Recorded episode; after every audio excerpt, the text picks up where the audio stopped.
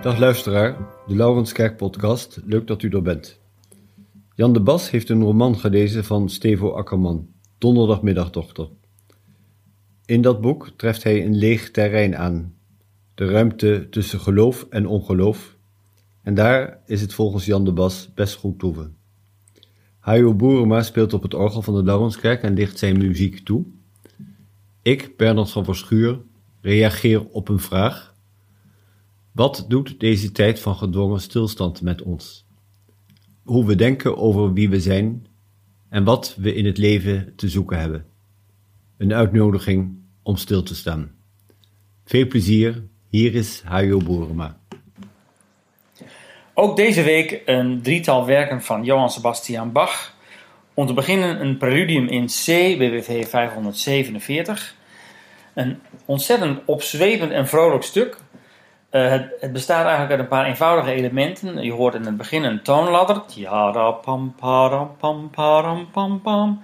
En een stukje verderop in de bas een dalende uh, figuur.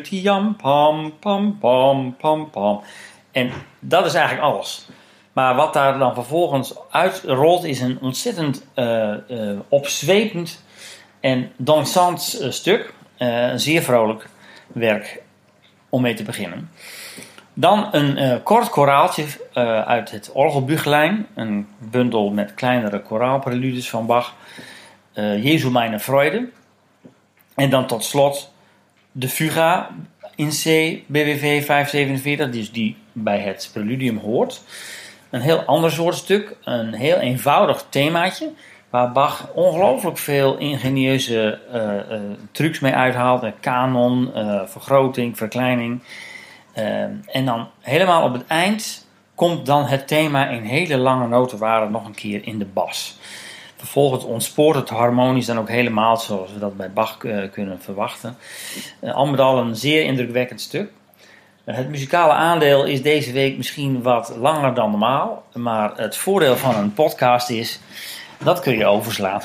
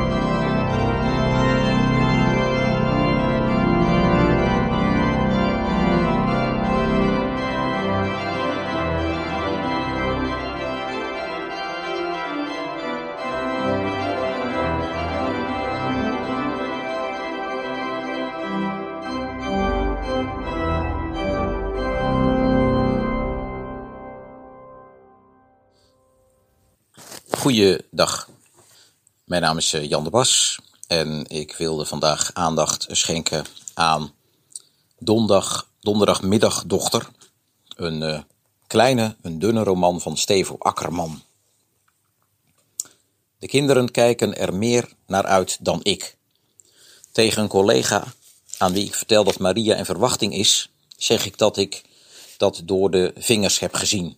Een echte grap is het niet. Van mij had het niet gehoeven. Dat geeft verder niks, denk ik. Als het kind eenmaal geboren is, zal ik er vanzelf van gaan houden. Nog een week of tien. Dan is het zover. Pagina 7 en 8, een fragment uit Donderdagmiddag, dochter van Stevo Akkerman. Ik zei al, een, een dunne roman. Uh, over de geboorte van een dochter. Een geboorte van een dochter die een splijtswam blijkt te zijn in de relatie tussen de auteur, tussen de hoofdpersoon in het boek en zijn vrouw Maria. Een splijtzwam, want het meisje is ziek en dat is bij het zwanger zijn al duidelijk. Het heeft geen nieren en de kans dat het zal leven is beperkt. En als het kind zal leven, zal het ook kort leven. Het kind zal op een donderdagmiddag worden geboren. Stevo Akkerman, bekend als columnist in het dagblad Trouw, komt uit een gereformeerd vrijgemaakte hoek. En in het boek Donderdagmiddagdochter heeft hij daar vaak over. Over de strenge, uh, geforceerde manier van geloven die in de vrijgemaakt gereformeerde kerk plaatsvindt. De sociale controle is immens. De sociale zorg is er aan de andere kant ook. Het geeft ook een bepaalde veiligheid, al ervaart hij in het boek op meerdere momenten dat het een soort schijnveiligheid is. Hij schrijft bijvoorbeeld over een landelijke dag van de gereformeerd vrijgemaakte kerk in Kampen, waar allerlei dominees verhalen houden en inleidingen houden en de jeugd zich stiekem onttrekt en de kroeg opzoekt. Een dubbelheid die kenmerkend is, vindt Akkerman voor dit soort geloof. Zijn partner komt uit de hervormde kerk, maar is daarin zoekende geweest en beland in evangelische kringen. En Akkerman ervaart dat dat een vorm van geloven is die ook niet de zijne is. En zo zit hij met een kind in verwachting waarvan de kans op leven beperkt is. Aan de ene kant. En aan de andere kant de kerkelijke context, de geloofscontext van zijn gereformeerde verleden. En zijn evangelische partner aan de andere kant. Zelf schrijft hij ook uitvoerig over zijn opleiding. De opleiding van journalistiek, de evangelische hogeschool waar hij zat. Waar hij dus ook in contact kwam met de evangelische richting. Kortom, hij beschikt over veel kennis van die cultuur, van die conventionele protestante wereld. En hij weet ook veel van de, ja, de kerkelijke opvattingen en van de literatuur. En uh, ook van uh, boeken in de filosofische hoek die in die richting spelen. Zo haalt hij onder andere ook Kierkegaard aan. Het boek uh, leidt tot een soort climax. De vraag is namelijk: hoe komt het nou dat de goede God het kind niet levensvatbaar maakt? En in het boek is een passage waarin Maria en de hoofdpersoon uh, naar een uitzending van de evangelische omroep kijken. Een, een, een programma van een evangelische groep waarin de situatie van het kind als het ware identiek is. Ook daar is een kind dat ziek is. En uh, hoe wordt daarmee omgegaan? Ja, dat is een kwestie van bidden, bidden en bidden. Een fragment even, bladzijde 112, over dat programma. Hun kind is genezen, maar het is nu zaak niet weg te zakken. Elk moment van twijfel zal God, zal Gods werk weer ongedaan maken en Satan de overhand geven. Keer op keer loopt de hoofdpersoon aan tegen het plan van God waar hij zich niet in kan vinden. En hij zoekt naar een eigen vorm van geloof. Hij zoekt naar een eigen vorm om met de vraag van dat kind dat voorbestemd is om te sterven om te gaan. uh, in het tijdschrift Liter, een, een voorheen christelijk literair blad. Daarin wordt het boek ook besproken door Elisabeth Koman in december 2013. Het boek zelf is afkomstig uit uh, ook 2013, verschenen bij Nieuw Amsterdam. En daarin wordt uh, Akkerman ook aangehaald en een citaat. De gaten in het geloof van mijn jonge jaren worden groter en ik laat dat zo. Ik wil ze niet vullen met de goedkope plamuur van de alleswetende orthodoxie, maar ik wil ze ook niet groter laten worden dan God zelf. En zo creëert Stevo Akkerman, wat hij ook in zijn columns doet, een tussenwereld tussen het geloof en het ongeloof. En het is een, een, een wereld die hij verkent, waarin ethiek een rol speelt, waarin verantwoordelijkheid een rol speelt, waarin kritisch denken een rol speelt. Want het gaat erom dat je uiteindelijk zelf antwoorden geeft op de vragen die op je pad komen. En uh, Akkerman die uh, die tussenpositie uh, zoekt, die raakt in scheiding met zijn partner. En daaronder ligt eigenlijk het verwijt van zijn partner dat hij niet goed gebeden zou hebben. Eh, want ja, als hij dat wel had gedaan, dan had het kind wel geleefd.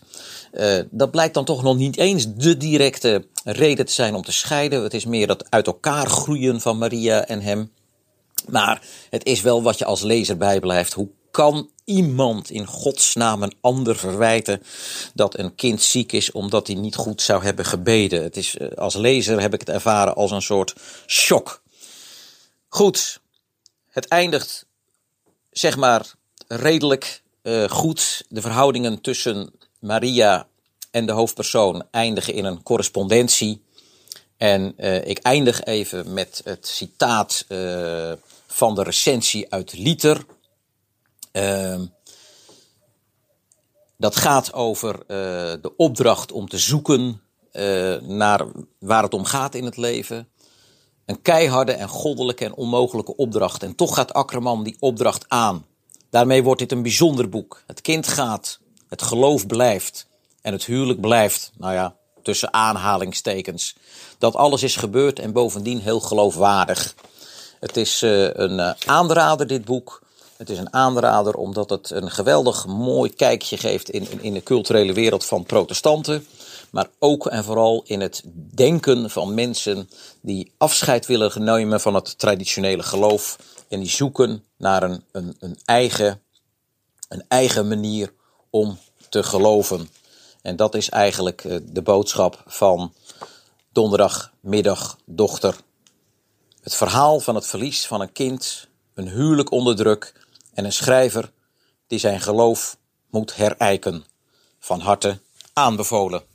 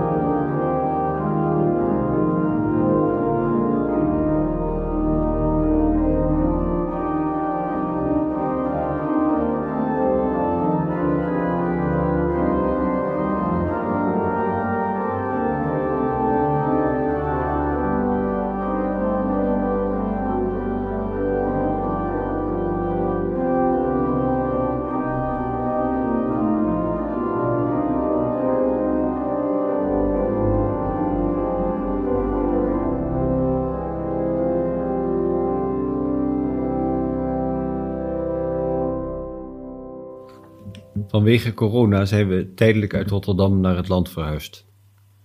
Ik begin nu de dagen, s ochtends vroeg, met helpen om paarden uit hun stal in de wei te zetten. Die paarden hoef je er s ochtends niet in te jagen in de wei, want de meeste paarden staan al te stuiteren in hun stallen. Ze willen maar al te graag naar buiten. Een wei met gras, wat kruiden, af en toe het blad van een boom. Het is alles wat een paard in het leven wil. Als je bij een paard van een levensopdracht opdracht of een ideaal zou kunnen spreken, dan is het dat. In een ruime wei, gras, wat uitzicht en een vertrouwde omgeving. De dag wordt gevuld met grazen, ter onderbreking af en toe wat liggen of over de grond rollen, soms een kort opwellende irritatie, agressie, maar veel vaker een dolletje met een ander paard. Verder de hele dag grazen, totdat s'avonds het hek weer open gaat en de paarden naar de stal gebracht worden. Mensen zijn net als dieren, of beter gezegd, mensen zijn dieren. Ze worden allemaal geboren, leven en sterven. Ze waken en ze slapen, ze eten en ze drinken, ze rusten en ze rennen. Wat ons anders doet zijn, is dat wij mensen weten dat er een einde is. En, denk ik, waar het weten van een einde begint, daar komt God. We weten dus dat we tijd van leven hebben en ik stel me voor dat dat weten van de dood, dat dat alles in het leven van een mens op de een of andere manier bepaalt. Dat je weet dat je doodgaat, maakt het leven begrensd. En het ogenblik waarop je beseft dat het leven begrensd is, maakt dat je meent dat het leven met iets gevuld moet worden, met een doel of met een betekenis. Ba'at al-Khatib is een jonge Syrische journaliste. Toen zeven jaar geleden de opstand tegen het regime van Assad in Syrië begon, studeerde ze economie in Aleppo. Van student werd ze journalist, tenminste, ze begon te filmen en vijf jaar later, het einde bij de val van Aleppo, verliet ze Syrië met 500 uur film in haar bagage. De documentaire die van die 500 uur film is gemaakt, heet Voor Sama. Tijdens de opstand trouwt Wa'at met de arts Gamza. Hun dochter wordt geboren. De film laat het allemaal zien. Hoe het begon, hoe het kind kwam, de film voor Sama is als een brief van Wa'at aan haar dochtertje over die vijf jaar in Aleppo. En ze vertelt aan Sama hoe blij ze met haar komst zijn. Over het leven in het ziekenhuis waar haar man werkt, waar zij op den duur ook gaan wonen. Ze laat zien de toenemende druk van de Syrische soldaten, de Russische bombardementen op de stad. De film laat zien hoe belangrijk het kind is voor de ouders. Want zij is het voor wie ze het doen, voor wie ze het vol willen houden. Zij is het wie ze een toekomst willen geven in de stad waarvan ze houden. Je ziet niet alleen hoe belangrijk Sama is voor haar vader en moeder, maar hoe belangrijk ze is voor alle mensen die het daar in Aleppo willen volhouden, omdat ze niet willen buigen onder het geweld. Sama is een teken van hoop. Baat en Gamza en de anderen in het al maar kleiner wordende stukje vrij Aleppo zijn zich dag en nacht en steeds meer bewust van het enorme risico dat ze lopen om te worden gedood. En dat weten maakt hen tegelijk zo doelgericht, zo vol van kracht en moed en volharding. De naam die Baat en haar man hun kind gegeven hebben. Sama betekent hemel. En ik denk dan niet hemel als de plek waar ze terecht zal komen als ze een keer zal sterven, maar hemel als aanduiding van hemel op aarde. Dat waar een mens voor geboren wordt, voor leeft, als teken van de overwinning van het leven en de rechtvaardigheid, het goede en het ware. de overwinning van het leven en daarom de hemel op aarde. Dat is wat Pasen, de opstanding van Jezus, denk ik, betekent. Dat een mens, terwijl hij weet, en in de film in het aangezicht van de dood, juist dan en daarom weet waarvoor hij leeft. En dat vind ik maakt de film zo indrukwekkend. De risico's die wij lopen zijn niet te vergelijken met die waar Waat en Gamza mee te maken hadden. Er zijn hier geen Russische bommenwerpers die hun bommen doelgericht op de Syrische ziekenhuizen laten vallen. Er zijn geen Syrische helikopters die verderf zwaaien met hun vatbommen of clusterbommen. Maar ten overstaan van het rondwarende virus kan ook in ons leven een concentratie van gedachten zijn. Niet per se prettig, eerder een verstoring van het vanzelfsprekende. En niet alleen concentratie van gedachten, maar ook verwarring, waarin je je afvraagt waar het toe leidt. Alles, het leven. En dan denk je, dit gaat voorbij, het is maar even, en dan wordt het weer zoals het was. Als op een dag het vaccin er is, het gevaar geweken, dit voorbij, alles weer zoals het was, en dan was dit hoogstens een ongewoon intermezzo, een hapering in het bestaan, een tijdelijk tot stilstand komen. Maar wat zal bij ons blijven? Wat nemen we dan daarna mee hier vandaan, uit deze tijd, uit die stilstand? De ervaring van de stad waarin het stil is de herinneringen aan de ogenblikken dat al die vragen in je naar boven kwamen, dat je er niet mee wist, dat je niet wist wat je ermee moest, dat je er misschien verdrietig of moedeloos of soms wanhopig van zou kunnen worden. Je kunt sommige van die herinneringen bewaren om je te herinneren dat het in het leven er niet om gaat zoveel mogelijk zekerheid te hebben en vanzelfsprekendheden en zeker te weten wat er morgen gaat gebeuren en wat je morgen zult doen. Maar dat het onzekerheid is die moed om te leven in een mens kan opwekken.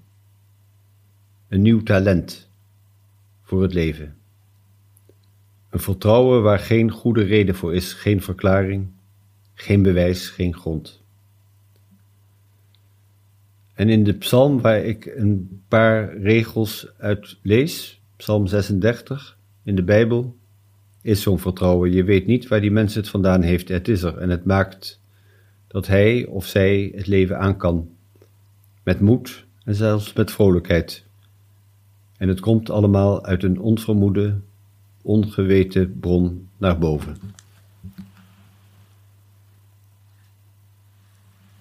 Heer, hoog als de hemel is uw liefde, tot in de wolken reikt uw trouw. Uw gerechtigheid is als de machtige bergen, uw rechtvaardigheid als de wijde oceaan. U, Heer, bent de redder van mens en dier. Hoe kostbaar is uw liefde, God? In de schaduw van uw vleugels schuilen de mensen. Zij laven zich aan de overvloed van uw huis. U lest hun dorst met een stroom van vreugde. Want bij u is de bron van het leven. Door uw licht zien wij licht.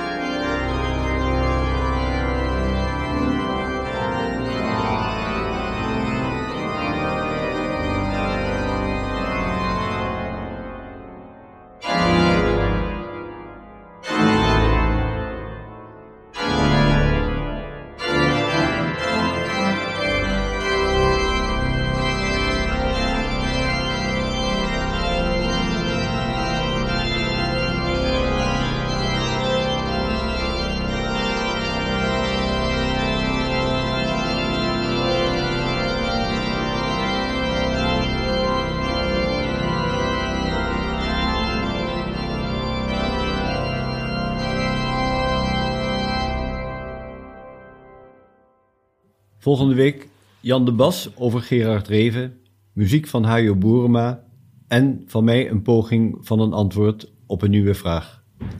Blijf gezond, sta af en toe stil om een vogel te horen fluiten of om je te realiseren dat je er bent. Dag!